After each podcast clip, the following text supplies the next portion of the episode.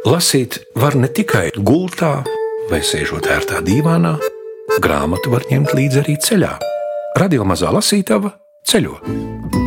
Sadarbībā ar Borisa un Ināras Teterevu fondu. Insieps bija galīgi nelietojams īpašums. Pansija ir nederīgs, kārtīgai dārzkopībai nepiemērots, izrentēšana un ķīvēšanās ar nomniekiem arī bija galīgi apnikusi. Neviens nomnieks nepildīja līgumus kārtīgi un nemaksāja nomu, kā solījās. Ienākumu no inciema nebija nekādu, Mums bija tikai vieta, kur pavadīt vasaru, bet inciemā dzīvojot, nereti likās, ka dzīve vienkārši paiet garām. Mani draugi, un kas daudz svarīgāk, draudzenes, pa lielākā daļa atpūtās jūrmalā, kur dzīve sita augstu vilni. Kavēties inciemā nozīmēja aprakties vientulībā. Ciemiņi pie mums iegriezās tikai ļoti reti. Kam gan patikās doties tik garā ceļojumā, autobuss. Tā bija smirdoša veca kaste, vienmēr pārpildīta līdz pēdējai iespējai. Neskaitāmās vietās pieturēdams tas kratījās līdz inciemam gandrīz vai pusi dienas, novārdzinādams braucējus pie nabaga. Arī cita priekšrocība inciemam nebija. Mēs ar brāli bijām aizrautīgi makšķernieki, īpaši jau brālis. Mūsu ideāls bija māja upmalā. Inciems atradās uz lēzenes augstienes. Visi ūdeņi, gauja, brasla, šādi tādi ezeri bija 5-6 km projām. Atkal un atkal mēs ar tēvu prātojām un spriedām, ka beidzot taču nērtais, nepraktiskais centrs jāpārdod. Divas šosejas iet paralēli, bet pa vidu ir inciems. Ja nav tādas īpašas vajadzības, tad cilvēki inciemā nemaz neiegriežas, bet pēdējā laikā iegriežas arvien biežāk jo Inciema tornī ir Anšlava Eglīša ekspozīcija. Pēc viņa darba Homo Novus tapusi filma, un tagad top arī seriāls Pansī pilī. Radio mazajai lasītavai bija vairāk iemeslu atbraukt uz Inciemu un uz pāris stundām iekārtoties viesmīlīgajā Anšlava viesistabā. Pansiju pilī lasa Gundars Āboliņš.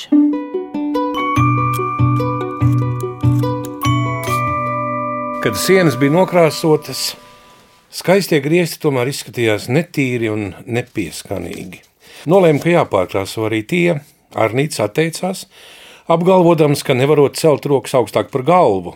Atgāžoties, viņš reipstot viņam gurstot sirds un kļūstot nelabdūšu, jo sevišķi jākāpjot uz augstām sastatnēm.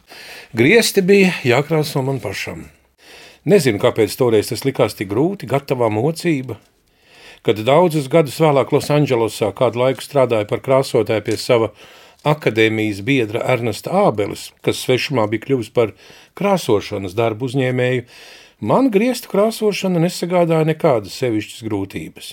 Bet toreiz jaunībā es smagi piemocījos. Bija arī ļoti jāuzmanās, lai krāsojot neapslakās sienas. Parasti jau krāsošana jāiesāk no griestiem. Visu laiku man stāvēja prātā Michelangelo kad viņš divus gadus nepārtraukti galvu atgāzis, glaznojis Sikstīnas kapelas griestus, viņa āda uz krūtīm un vēdera tik ļoti izstaipījusies, ka ķermenim ieņemot normālu stāvokli, ļoti neglīti krokojusies kā plēšenis. Pie sevis šādu nebūšanu tomēr neievēroju. Kamēr sienas un griezti žuva, es sakomplektēju pansijas personālu. Iecēla veco priedeni par apteksni, par ko viņa bija gluži sajūsmināta, tūlīt apseja tīru baltu priekšautu. Arnīša māti izraudzīja par pavāri, bet Arnīti un Peltmani par pikolo, kuru galvenais uzdevums būtu atgādāt vasarnieku mantas no autobusa pieturas uz pansiju. Apkārt pa lielceļu līdz pieturē bija labs kilometrs. Pa taciņu cauri druvām ir tikai īsts stiepiens, bet taciņa bija mālaina un lietainā laikā īsts dubļu skrīnis. Nu, es varēju sastādīt sludinājumu, ko ievietot jaunākajās ziņās. Tas vēstīja, ka jaukā vietā mūžas centrā par lētu naudu dabūjamas ērtas istabas ar pilnu pansiju, labu apkalpošanu un klavieru lietošanu. Ar lētumu mēs varējām lieliski konkurēt. Telpas mums pašiem nekā nemaksāja, jo tā kā tā stāvētu tukšas, un personāla pakalpojumi bija par brīvu. Neviens no īrniekiem nevienu vasaru nebija atstrādājis visas noliktās dienas par savu istabu. Bez tam viņi piedalījās pansijas lietā labprāt, jo varēja cerēt uz dzeram naudām. Kura cita pansija visā Latvijā varēja strādāt tik izdevīgos apstākļos? Lētums bija laba lieta, bet, lai atpūtas meklētājs saprastu, ka ne viss, kas lēts, ir arī mazvērtīgs, nolēmu sludinājumā uzmanīgi iepīt vārtiņu pils. Drusku nērti es jutos, bet pīlis jau varēja būt dažādas, lielas un mazas, vecas un jaunas. Seno mūžu dzīvojamās ēkas pa laikam dēvēja par pilīm. Bez tam, ko gan visu neatļāvās reklāmas labad. Es taču nemeloju, tikai drusku uzspodrināju. Un tā es sludinājumā pārlaboju mūžas centru par mūžas pili. Vēl es pieminēju jaukās pastaigas, gaujas un braslas glaznainajos krastos.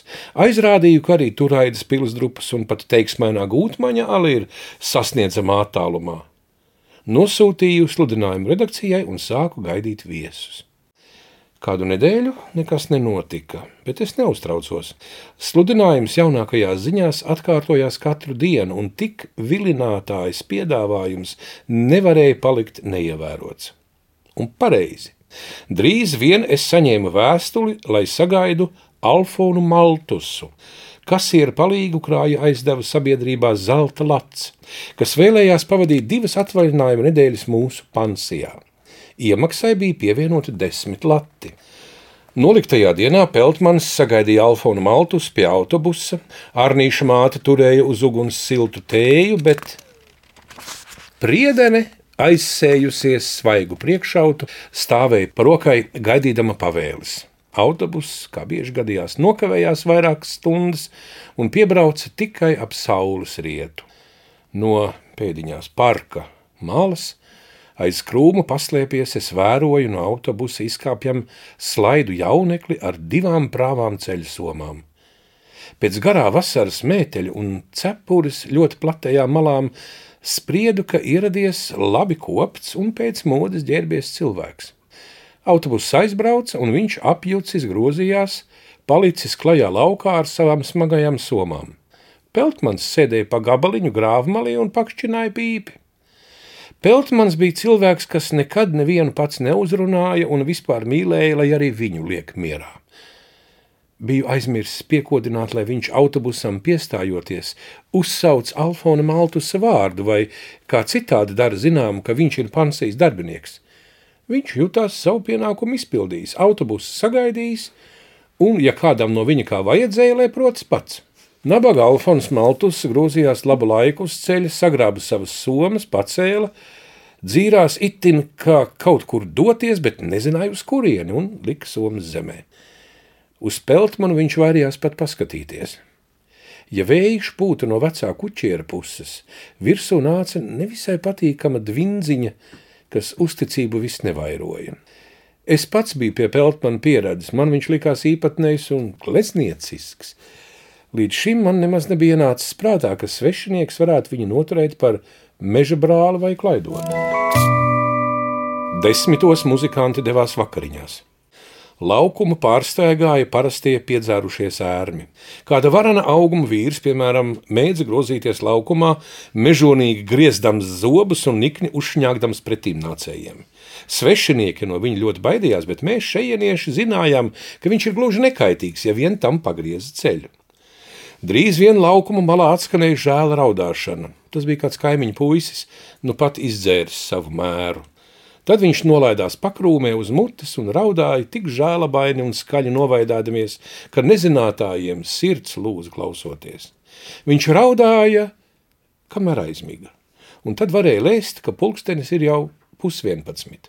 Neviens par raudātāju nelikās nezinis, tikai retums pabrīnījās, cik dažādi tas pats baltais degvīns iedarbojas uz dažādiem cilvēkiem. Ap desmitiem iestājās jau gandrīz pilnīga nakts, un balle kūsāja pilnā sparā. Mūzika spēlēja nepārtraukti, laukums muģēja pilns dejotājiem tā, ka ne apgriezties. Nora bija nomīdīta gluži melna, un vietām kļuvusi slidena. Zem valēnas pamats bija māli, kas ilgi turēja lietas mitrumu. Balles noskaņa un spriegums kāpinājās, ārpus spūģu spožā gaismas loka dzirdēja skaļus lāstus un bļāvienus. Dziļais grāvis, kas stiepās cauri parkam, sāka prasīt upurus.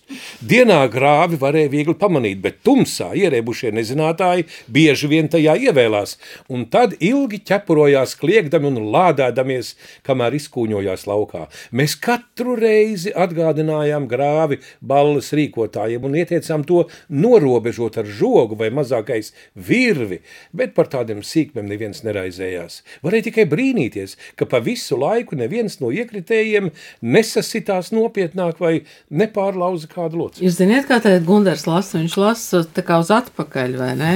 Jā. Jā. Lai Dievs mūs pasarga no titulētajiem kritiķiem, es saucu. Vienkārši kritiķis vēl spēja atzīt savu valošanos, bet profesors nekad jo to neļauj viņa akadēmiskais prestižs. Un, ja viņš vēl iedabūs savu aplamības skolu grāmatās, un tās uzķer vientiesīgi skolotāji, un sāk papagaļoties visos kaktos, visās pamatskolās, tad arī labāko dzējas darbu var noslodzīt un noklusēt uz ilgiem gadiem. Kamēr izaug jauni profesori, jauni skolotāji un jauni skolēni.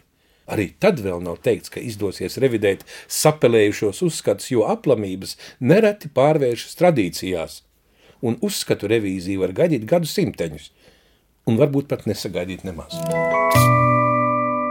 Arnītis ir filmā, un Ir. droši vien, arī Arnītis ir vienkārši lielisks, Jā. apburošs. Tic. Arnītis, nu tas ir um, Kaspars Notiņa, es uzskatu, meistardarbs. Mm Mhm. -hmm. Tik trausls, tik nevarīgs, tik žēlojams. Un tas kučieris? Nu, kučieris, tas, nu, kur tas dvinziņa nāk, Jā, jā. E, absolūti 24 stundas, visus divus mēnešus, absolūti skaidrā. Jānis Jārāns.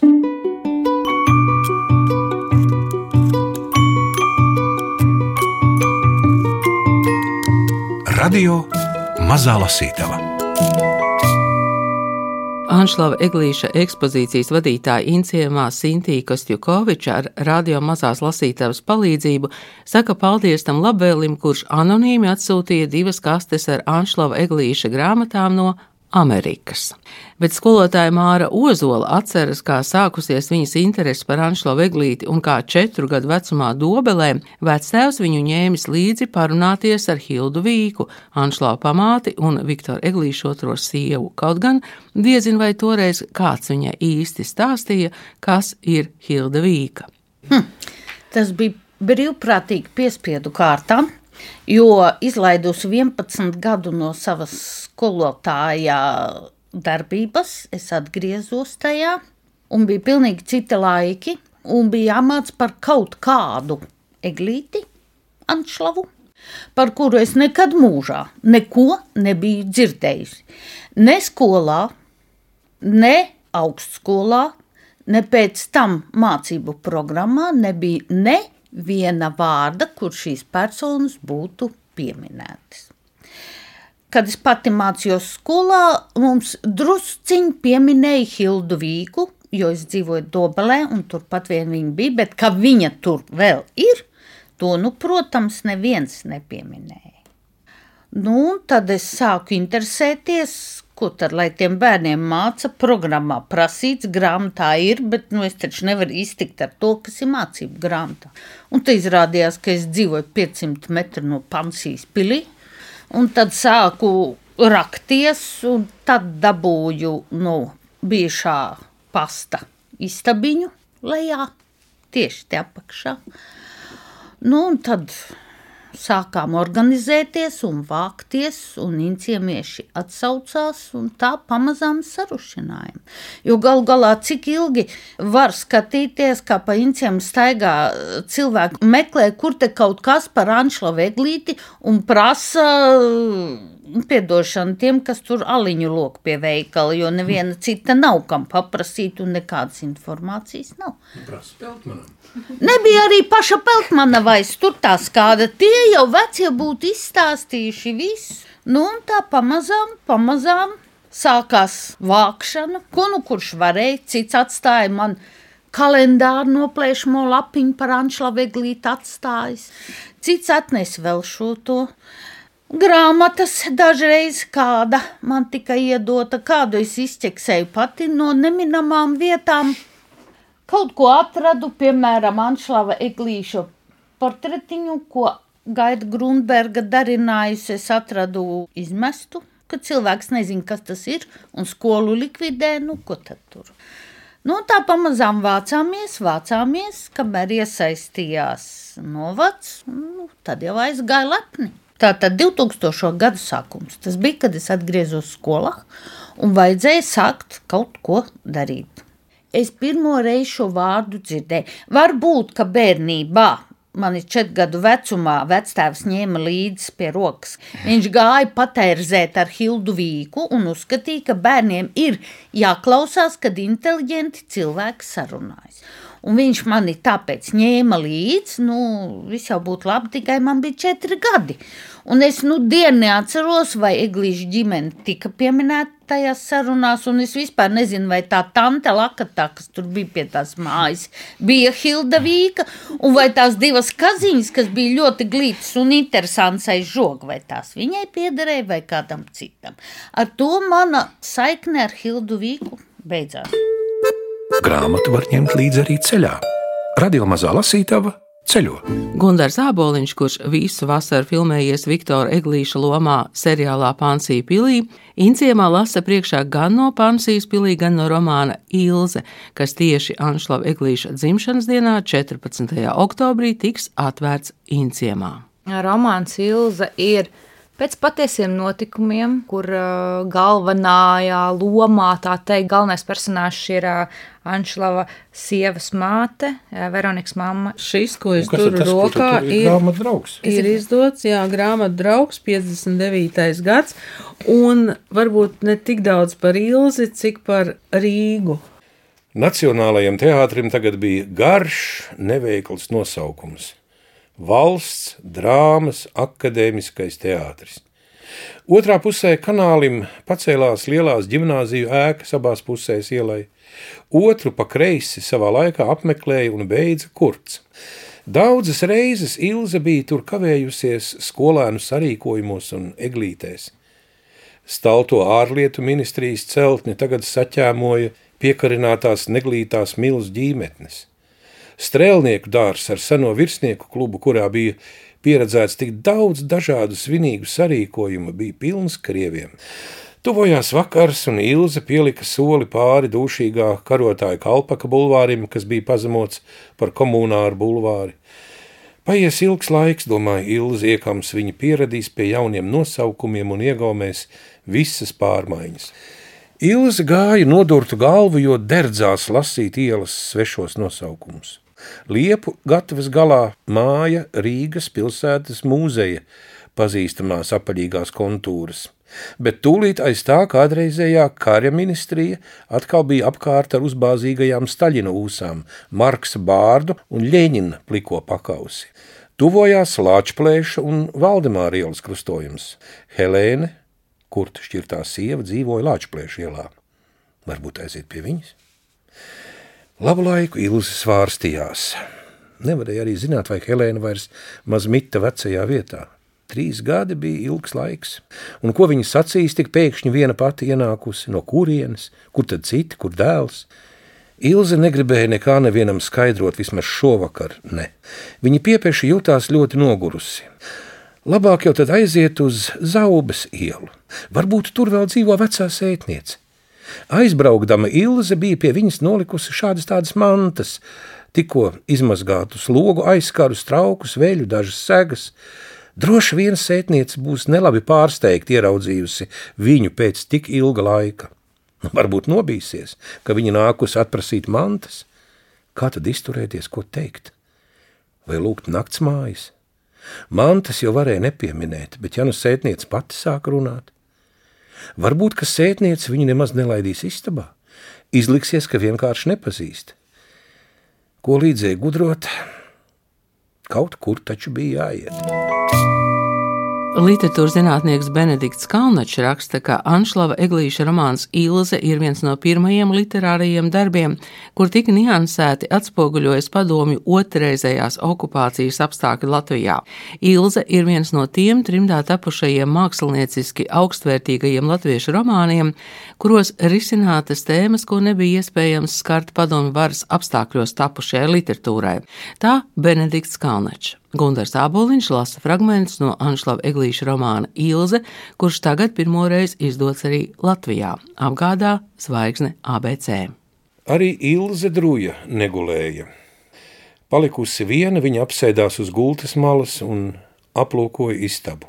Tā bija dīvaina sajūta apzināties, ka tālāk vairs nebija kur braukt un tiekties. Te nu bija jāpaliek uz visiem laikiem. No šīs atziņas uz visiem laikiem viņai viegli noreiba galva. Likās, ka istabas sienas līgojās un vibrēja. Lidmašīnā Ilze bija jutusies daudz drošāk un stabilāk nekā tagad šī istabā sēžot gultā. Aiz sienas sarunājās dēls un vedekla. Skaņas likās tālas un murdošas, nemaz kā cilvēku balsis. Tās laikam vēl lidojuma sekas. Lidmašīnas rūkoņa joprojām turējās viņai ausīs. Tikai nebija vairs pacelājuma. Gaisā Ilze jutās gaužām labi. Viņa vēlējās kaut braucienus nekad nebeigtos. Vienu mirkli viņa iedomājās, kā būtu, ja motori pēkšņi sabojātos, lidmašīnas sagrīļotos un planātu lejup pretī okeānam. Visi kliegtu nāves bailēs, bet Ilze zināja, ka viņas sēdētu gluži mierīga. Bieži vien gals pienāca daudz nejaukākā veidā nekā nogāžoties ar lidmašīnu. Viņa savu galu sagaidīs droši vien šī istabā un šī pašā gultā. Viņa apskatīja palēki mēļās tapētis ar zeltītām dzīsliņām un gaišu zaļu līsti, visapkārt istabai pie grīdas. Tieši pretim viņas gultai pie sienas karājās maza glezniņa, saules riets šaurā zeltītā ilogā. Ļoti iespējams, ka tā būs pēdējā ainava, ko aizķers viņas skats. Nemaz nepārdomādama, ko dara, Ilze piecēlās no gultas un noņēma glezniņu no sienas. Uz tapētes palika tumšs, četrstūrains laukums. Viņa skatījās tajā un domāja, ka to vairs nevarēja noņemt. Plankumu varēja iznīcināt tikai noplēšot tapēti. Bet ko gan dēls un vedekla teiktu, ja viņa nāktu ar tādu ierosinājumu? Nodomātu, ka viņa vairs nav pie pilna prāta. Lai nebūtu jāskatās tumšajā gleznas vietā, Ilze izdzēs uguni.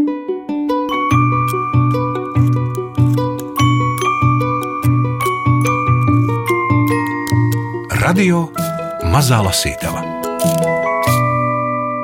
Ja jau radio mazā lasītava ir atceļojusi uz Inciemu, vietu, kur 1922. gadā rakstniekam un mākslas teorētiķim Viktoram Eglītim piešķir lauku īpašumu, bet viņa dēls Anšlaus to padara slavena romāna Pansija pilī, tad Gundars Āboliņš lasa arī Viktora Eglīša dzēju. Piemēram, sīkbūtnes himna dievam. Nekā nav gluži skaidra mūsu domās negluži droša mūsu dvēselēs.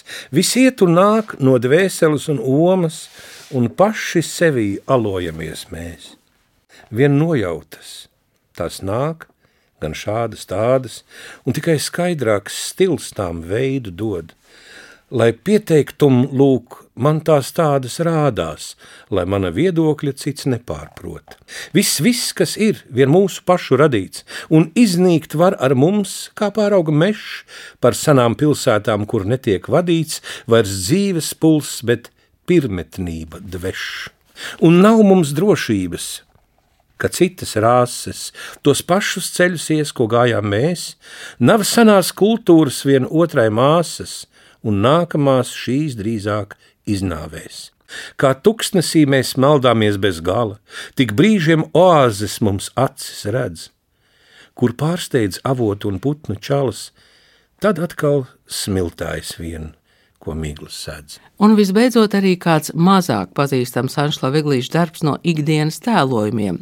Stāsts par to, kāda var izskatīties izslavētā Holivuda mazas meitenes acīm.